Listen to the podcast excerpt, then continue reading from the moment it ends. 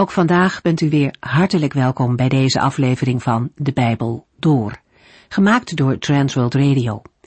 Voor meer informatie kijkt u dan op onze website transworldradio.nl. In deze serie gaat u in vijf jaar tijd met ons de Bijbel door, van Genesis 1 tot en met het laatste vers in Openbaring 22. We lazen de vorige keer uit Hebreeën hoofdstuk 2. En in vers 10 zagen we dat Gods liefde samenging met lijden. Uit liefde zond God zijn zoon naar de mensen en liet toe dat hij gedood werd. Mensen vragen zich soms af hoe het mogelijk is dat een God van liefde dat toe kon staan, dat zijn eigen zoon zo moest lijden. En toch blijkt juist uit die opoffering de diepte van de liefde van God. Om een verloren mensheid te kunnen redden, gaf hij zijn zoon. En een grotere liefde dan deze is er niet te vinden. Echte liefde zoekt zichzelf niet, maar geeft zichzelf aan en voor de ander.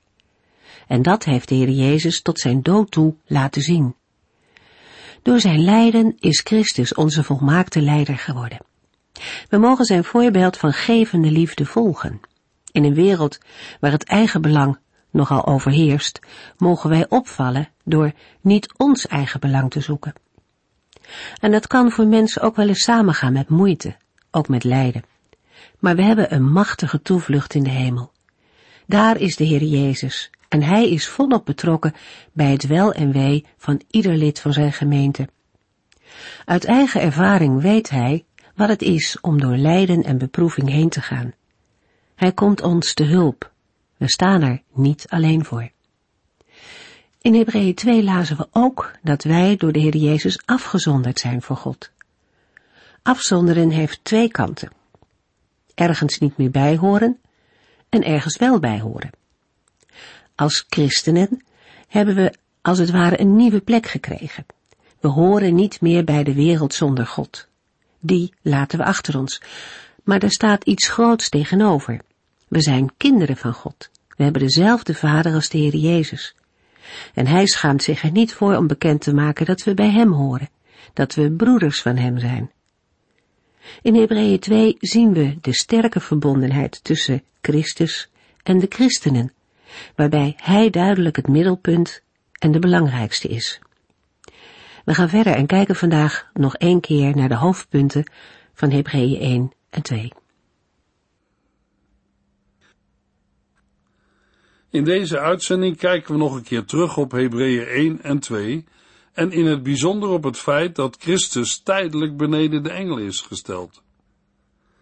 Lazen we in Hebreeën 1 over groter en belangrijker zijn van de persoon van Christus, namelijk groter, belangrijker en beter dan de profeten, als ook groter, belangrijker en beter dan de engelen.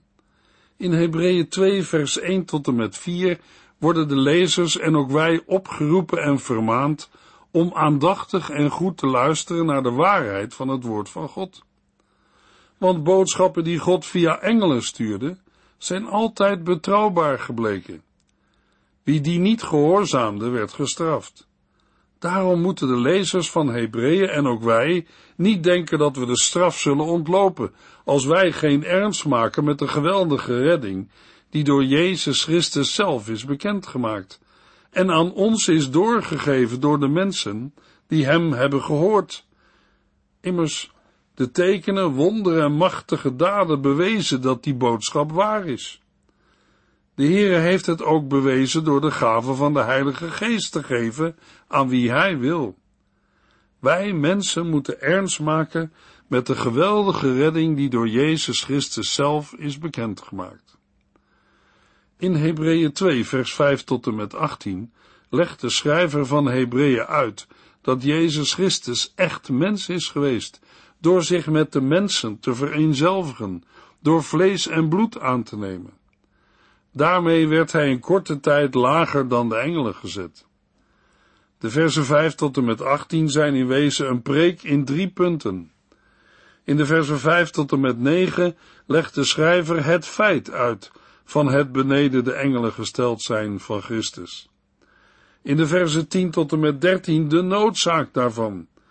en in de versen 14 tot en met 18 de zegen van de menswording van Christus. Hebreeën 2 vers 5 tot en met 9. De toekomstige wereld waarover wij spreken zal niet geregeerd worden door engelen.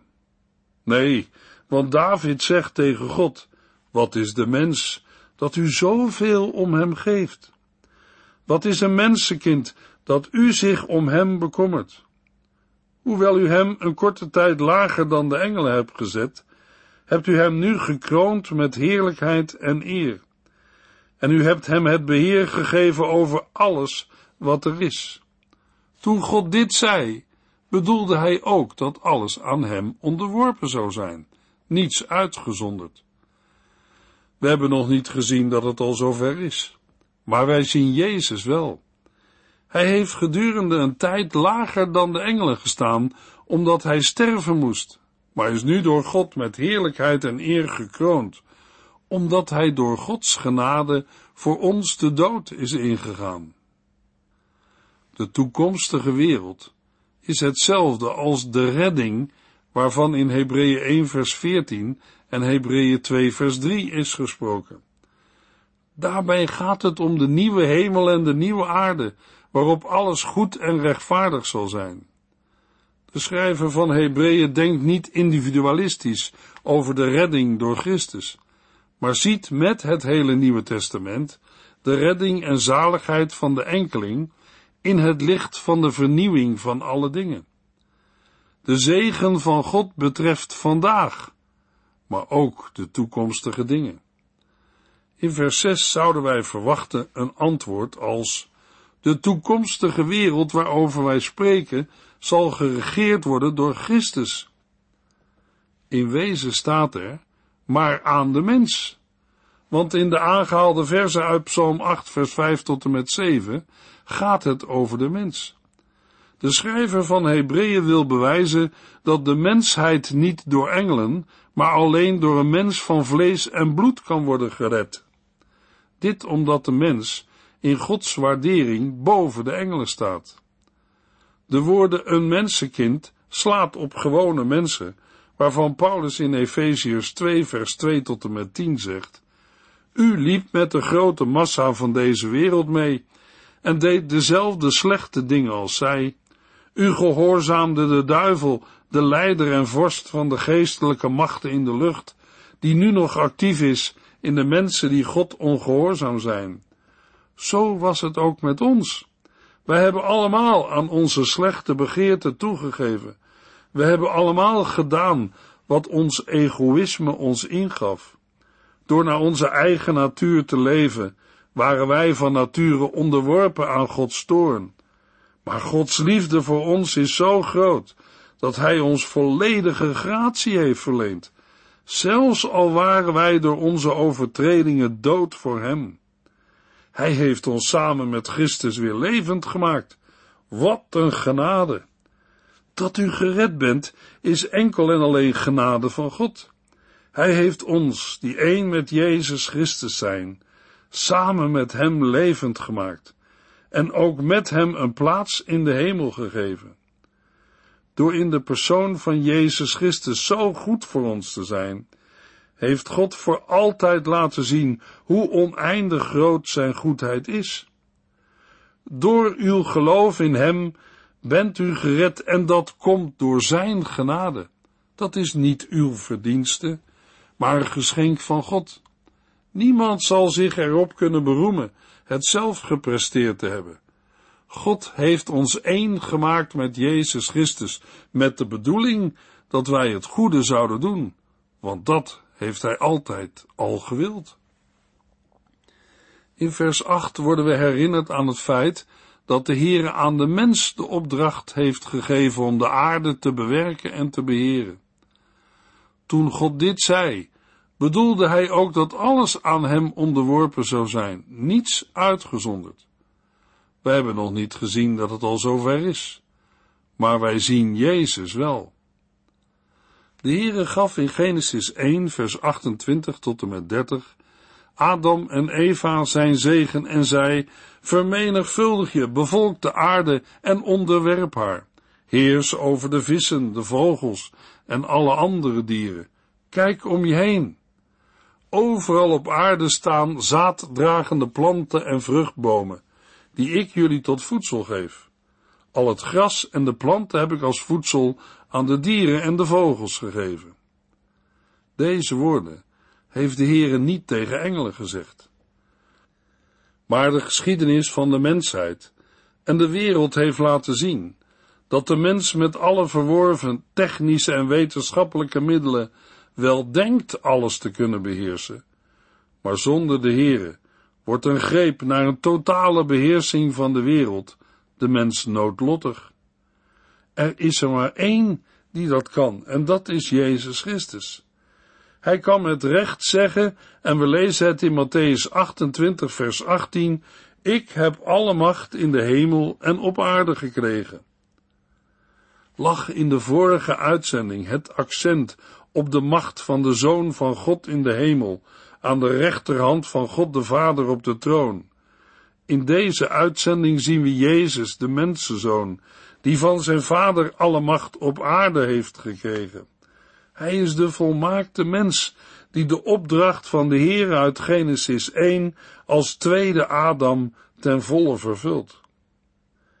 In vers 9 komt voor het eerst in Hebreeën de naam voor die de heiland als historisch persoon heeft gedragen. In het vervolg van vers 9 wordt duidelijk gemaakt dat als vaststaat dat Jezus nu zit aan de rechterhand van God en alle dingen beheerst, dan kan dat omdat ook zijn mensheid even werkelijk is als zijn godheid. In de mens Jezus is de aarde weer paradijs geworden en is de mens heerser geworden. Maar deze heerlijkheid en eer zijn geen hoofdzaak in de uiteenzetting van Hebreeën.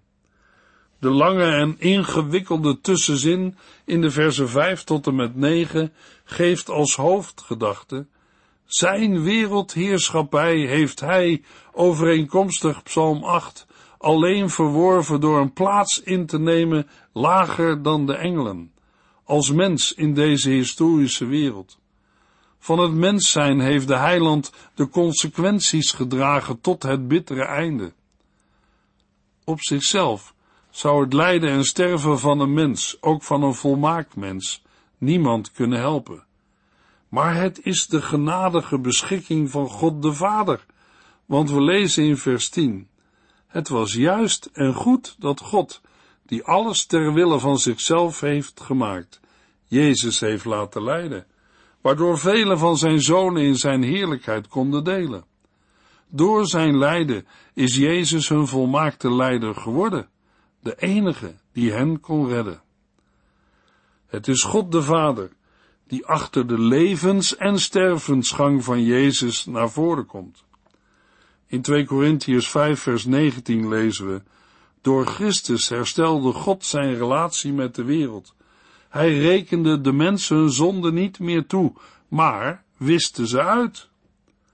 De apostel Paulus is daar zo enthousiast en dankbaar voor, dat hij er direct achteraan zegt, en wij mogen dit geweldige nieuws aan iedereen vertellen.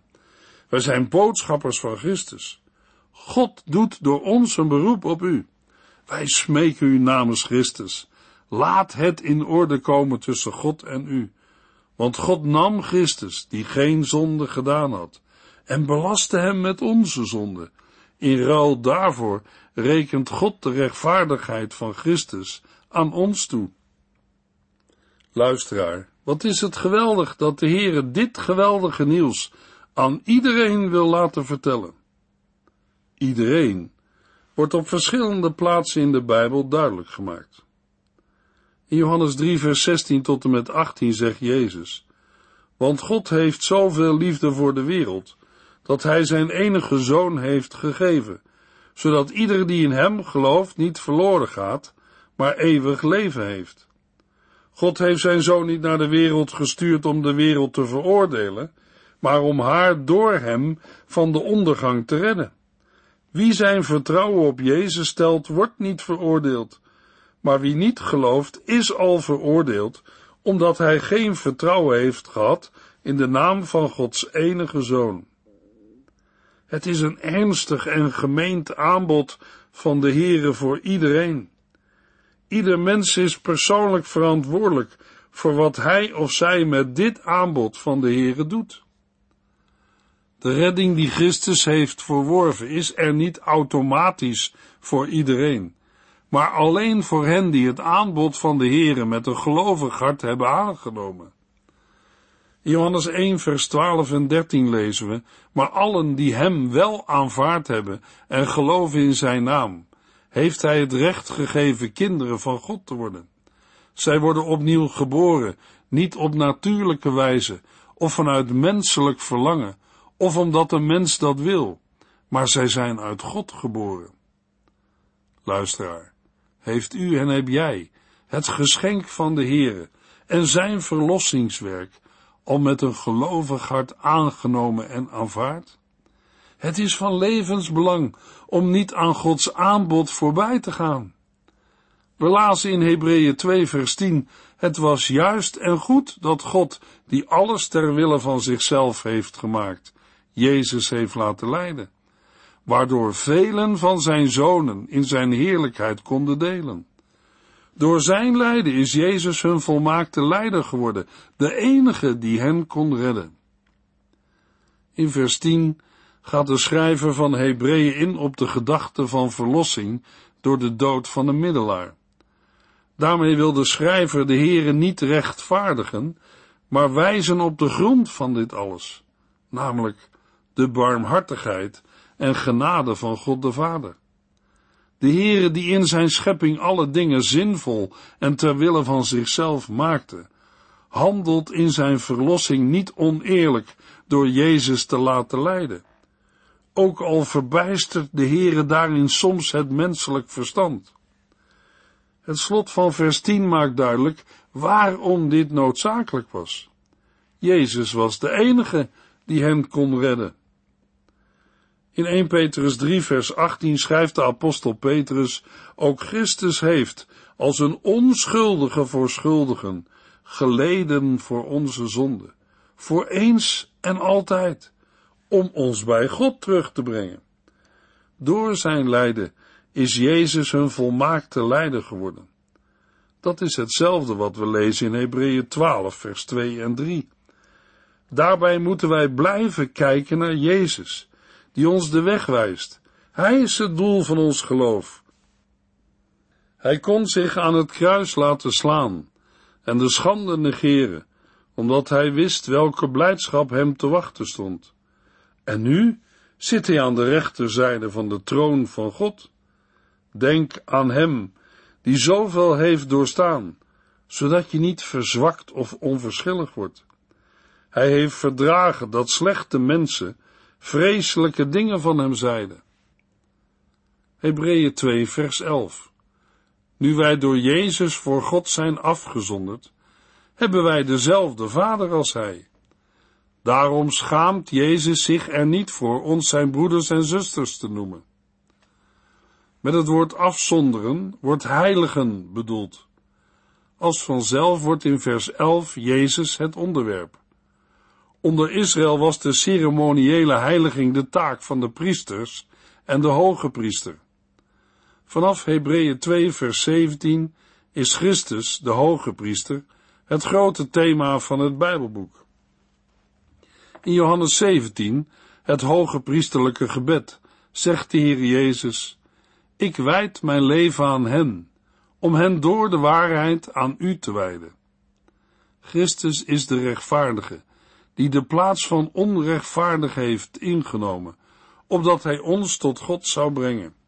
En hij heeft ons nu in het gezin van God gebracht. Daarom schaamt Jezus zich er niet voor ons zijn broeders en zusters te noemen. In Romeinen 8, vers 29 schrijft de apostel Paulus, hij heeft altijd geweten wie hem zouden liefhebben, en hij bepaalde ook dat die mensen zijn zoon zouden weerspiegelen want hij wilde dat zijn zoon de eerste en belangrijkste van vele broers zou zijn. De zonen uit vers 10 blijken mensen te zijn, dezelfde als de broeders en zusters uit vers 11. Zij zijn met Christus kinderen van God de Vader. Hebreeën 2 vers 12. Dat komt overeen met wat geschreven staat. Ik zal mijn broeders uw naam bekendmaken. Te midden van de gelovigen zal ik een lied zingen tot uw eer. In de vorige uitzending stonden we al stil bij het feit dat in vers 12 Psalm 23 vers 22 wordt geciteerd. Psalm 22 is wel zeer direct messiaans. Niets minder dan het werk en leidensplan van de middelaar wordt erin omschreven. Het gebeurt op een zodanige wijze dat de gebruikte woorden alleen in de mond van Christus passen. Want Gods naam komt alleen op een juiste manier openbaar, als zijn barmhartigheid en genade is verschenen. En wij weten dat die verschenen is in Jezus Christus. In Titus 2 vers 11 lezen wij, de genade van God is bekend geworden, waardoor voor alle mensen eeuwige redding mogelijk werd. En daardoor leren wij dat wij ons van ons slechte leven en onze zondige verlangens moeten afkeren, om daarna van dag tot dag verstandig en goed te leven met ontzag voor God. Het zingen van een lied gebeurt eerst daar, waar het leven van een mens in het licht van Gods genade en barmhartigheid staat. Hebreeën 2 vers 13. Er staat ook, ik zal op God vertrouwen en kijk, hier ben ik, met de kinderen die God mij gegeven heeft. Omdat wij mensen van vlees en bloed zijn, is hij ook een mens van vlees en bloed geworden. Want alleen als mens kon hij sterven en zo de duivel die de macht over de dood had, machteloos maken. Ook de Heer Jezus heeft op aarde geleefd, onder de spanning van het wandelen in geloof en niet door het zien. Dat in vers 13 het Oude Testament en niet het Evangelie wordt geciteerd, wil eraan herinneren dat Christus al gesproken heeft voor zijn komst op aarde. Met dezelfde woorden heeft de profeet Jezaja het opgenomen tegen het geestelijk verval in zijn dagen. In vers 14 wordt de menswording van Jezus Christus benadrukt. Christus kwam op een manier die Joodse mensen niet verwachten.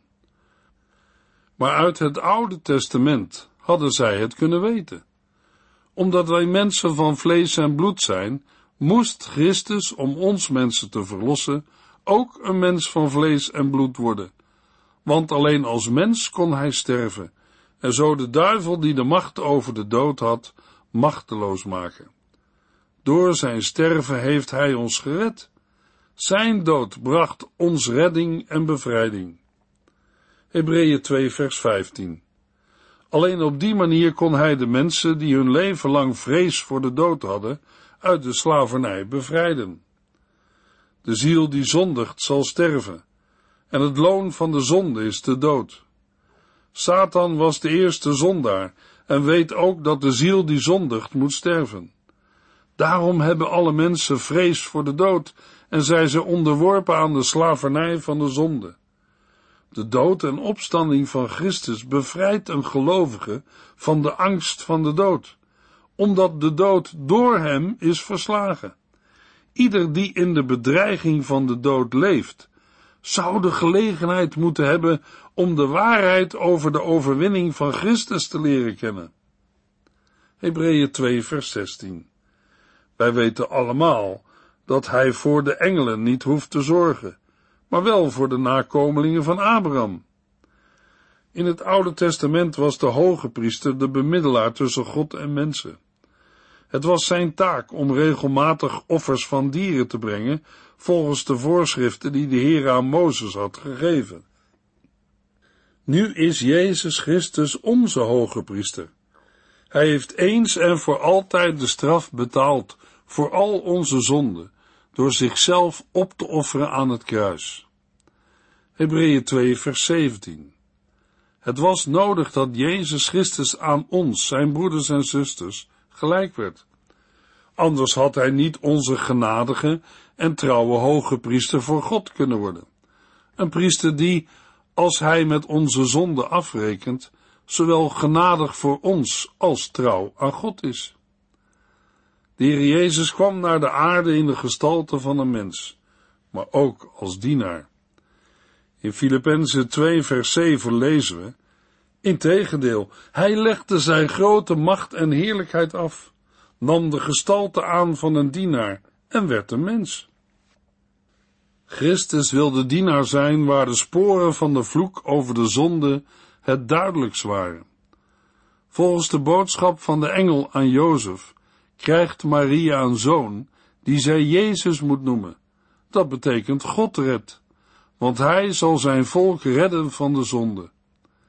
Wij zijn bevrijd van de overheersing van de zonde, als wij ons tenminste volledig toewijden aan Christus en ook volledig vertrouwen op wat Hij voor ons heeft gedaan. Hij is in staat met u, jou en mij mee te voelen. Hij kent u en jou en Hij begrijpt u, niet alleen omdat Hij God is, maar omdat Hij mens werd. Hij weet precies wat u, jij en ik vandaag meemaken. Daarom kon hij een genadig en trouw hoge priester worden bij God om de zonde van het volk te verzoenen. Hebreeën 2 vers 18 Omdat hij zelf geleden heeft en beproeving heeft gekend, weet hij wat het is om te lijden en beproefd te worden. Daarom kan hij ons zo goed helpen. Allereerst door zijn hemelse voorbeden, waarin Christus voor de zijne de verzoening en gemeenschap met God waarborgt als blijvend en onaantastbaar.